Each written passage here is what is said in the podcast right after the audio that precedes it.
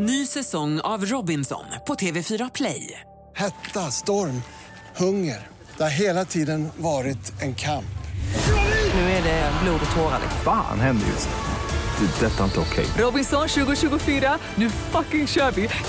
Streama söndag på TV4 Play. Du lyssnar på en podcast från Expressen. Ansvarig utgivare är Thomas Mattsson. Fler poddar hittar du på expressen.se podcast och på iTunes. Det här är Expressen Dokument om hur 600 kronor blev 150 miljoner av Arne Lapidus. Han inspirerar hundratusentals människor och fortsätter att ge goda råd. Han bidrog kanske mer än någon annan till att förvandla aktiehandel från ett exklusivt nöje till en folksport. Lennart Israelsson, nyss fyllda 98 och mer känd som Aktiestinsen, ger ett dagsaktuellt tips till aktiespararna. Sälj inte på grund av krisen i Ukraina. Jag tror inte att det blir krig. Det kommer säkert att lösa sig med ett avtal, säger han.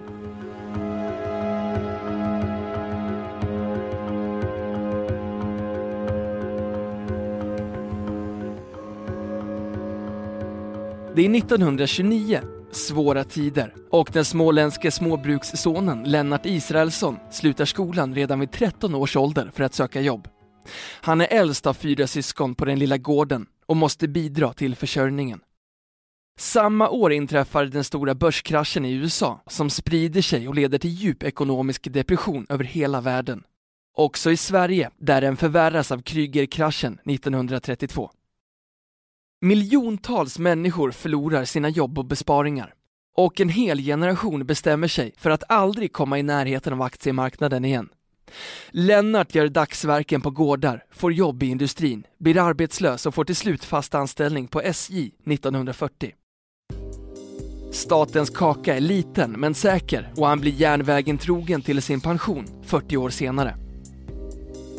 Men han vill dryga ut den statliga kakan han råkar läsa en serie artiklar om aktier och blir intresserad och köper trots sin mammas ängsliga förmaningar sina första aktier. Fem aktier i Sandvik för sammanlagt 600 kronor. Det var mycket ovanligt på den tiden att arbetare gjorde aktieaffärer. Jag började med 600 kronor. Till slut hade jag 150 miljoner, säger Lennart Israelsson, 98, som bor i Nässjö. När jag fyllde 90 skänkte jag bort det mesta jag bildade fem stiftelser för välgörenhet, utbildning och annat. Vad ska man med 150 miljoner till när man är 90? Jag har väl en 20-30 miljoner kvar. Det räcker till begravningen. Nu funderar jag på en ny stiftelse. Det är hälsosamt att ge bort pengar, säger han och förklarar att stiftelsernas värde ligger på ungefär samma belopp som när han bildar dem. Efter den första affären fortsätter Lennart att investera i aktier han är försiktig, långsiktig, intresserad av företag med realvärden som fastigheter och skog samt av aktier med hög direktavkastning. Och kanske viktigast av allt, han lånar aldrig pengar utan köper nya aktier för utdelningen på de tidigare. Det är en vinnande strategi, även om det går långsamt i början. Den första miljonen tar 34 år, lagom till pensionen 1980. Men sen rullar miljonerna in snabbare och aktiestinsen blir känd över hela landet. Och han var egentligen inte stins, stationsinspektör, vilket var chefstiteln på större järnvägsstationer. Under sin SJ-karriär nådde han posten som stationsföreståndare i Malmbäck, en mindre station utanför Nässjö. När jag blev miljonär första gången ringde Expressen och ville göra en intervju. En journalist kom från Stockholm. Han tyckte att jag skulle ha ett artistnamn och föreslog Aktiestinsen. Jag protesterade men accepterade till slut, berättar Lennart Israelsson. Som Aktiestinsen blir han ett begrepp. Han intervjuas i alla medier, håller föredrag och blir en galjonsfigur i organisationen Aktiespararna. Han är fortfarande mycket efterfrågad och framträder hos banker, företag, Aktiespararna. Nästa evenemang blir en stipendieutdelning på Handelshögskolan i Jönköping. Rikedomen har inte ändrat mitt liv. Jag trivs med att leva hälsosamt. En timmes stavgång varje dag, en danskväll varje vecka. Jag håller huvudet i form med korsord. Det ringer folk varje dag för att be om aktieråd eller för att tacka för goda råd. Det är fantastiskt roligt, säger han.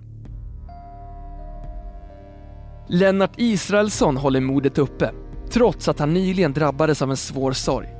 Hans sambo sedan 20 år tillbaka, Marianne Svensson, dog i en hjärtinfarkt tidigare i år. Det var ett svårt slag. Hon skulle fylla 90 i mars. Hon dansade så underbart bra. Jag blev mycket ledsen, men livet går vidare. Det är viktigt att se framåt, säger han. Aktiestinsen är medveten om att han har spelat en stor roll för den stora förvandlingen av aktiehandeln i Sverige. Idag sparar runt 2 miljoner svenskar direkt i aktier och mer än dubbelt så många äger aktier indirekt genom fonder. Många har blivit aktiesparare tack vare mig. Aktier är en bra sparform och en bra hobby. Det gör att folk blir intresserade av vad som händer och sker, säger han. Karl Rosén, VD på Aktiespararna, bekräftar att Lennart Israelsson spelade en central roll när aktiesparandet blev en massrörelse. Aktiestinsen är en symbol för det folkliga aktiesparandet. Han illustrerar att det lönar sig att vara långsiktig. Vi är stolta över att han är med i vår tidning och att han har varit med på flera av våra kongresser, säger Karl Rosén. Han står för mycket av vad aktiespararna står för.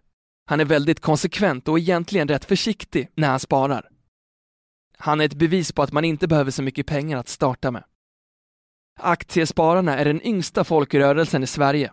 Vi startade 1965 och byggde upp som andra folkrörelser med runt 150 lokalavdelningar och 2000 volontärer som lärde ut hur man sparar i aktier.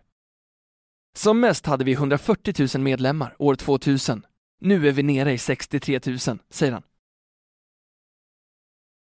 Nedgången i aktiespararnas medlemssiffror hänger samman med att aktiesparandet har minskat under det senaste decenniet. Många blev brända av IT-kraschen 2000 och finanskraschen 2008. Aktiesparandet var som högst 2002 med 2,6 miljoner aktieägare. Idag är det 2 miljoner. Trots nedgången under senare år befinner sig aktiesparandet på en historiskt hög nivå. Det tog fart och blev en massrörelse på 80-talet när den svenska ekonomin kom ur en djup nedgång samt blev mer avreglerad och marknadsorienterad. Därtill kom skattelättnader för aktiesparande.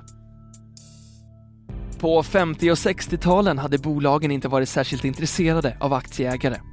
Då var det lätt att få riskkapital Sen kom löntagarfondsdebatten på 70-talet med tal om förstatligande samt industrikrisen under samma årtionde.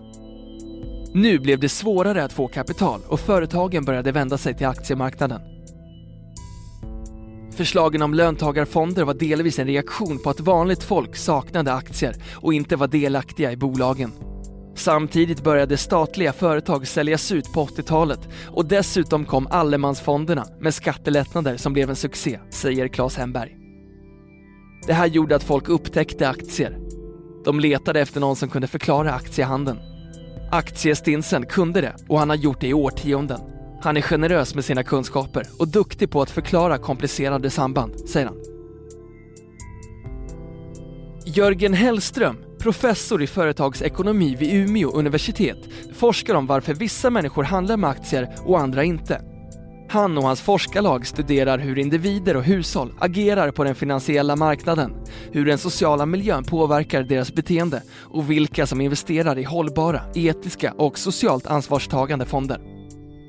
Han säger att det är svårt att identifiera vilka egenskaper som gör en person till framgångsrik aktieplacerare men pekar på att den amerikanske multimiljardären Warren Buffett och Lennart Israelsson har mycket gemensamt.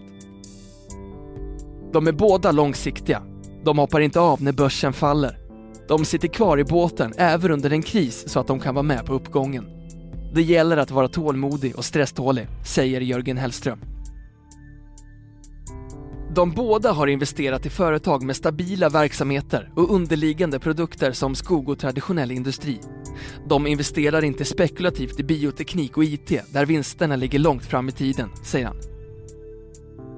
Enligt Jörgen Hellström påverkar en rad faktorer en persons benägenhet att investera i aktier.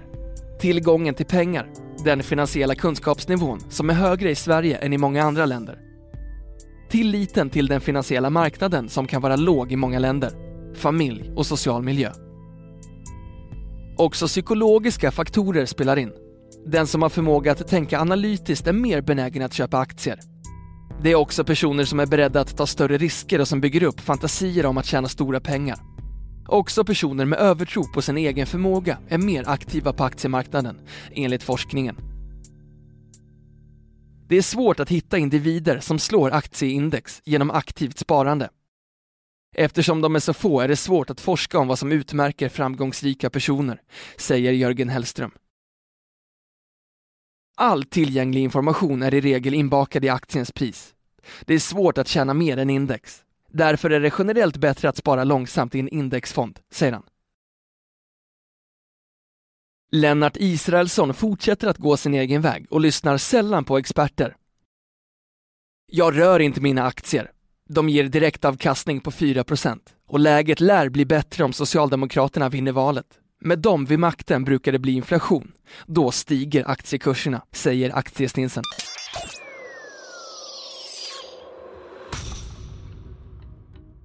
Du har lyssnat på en podcast från Expressen. Ansvarig utgivare är Thomas Mattsson. Fler poddar finns på Expressen.se och på iTunes.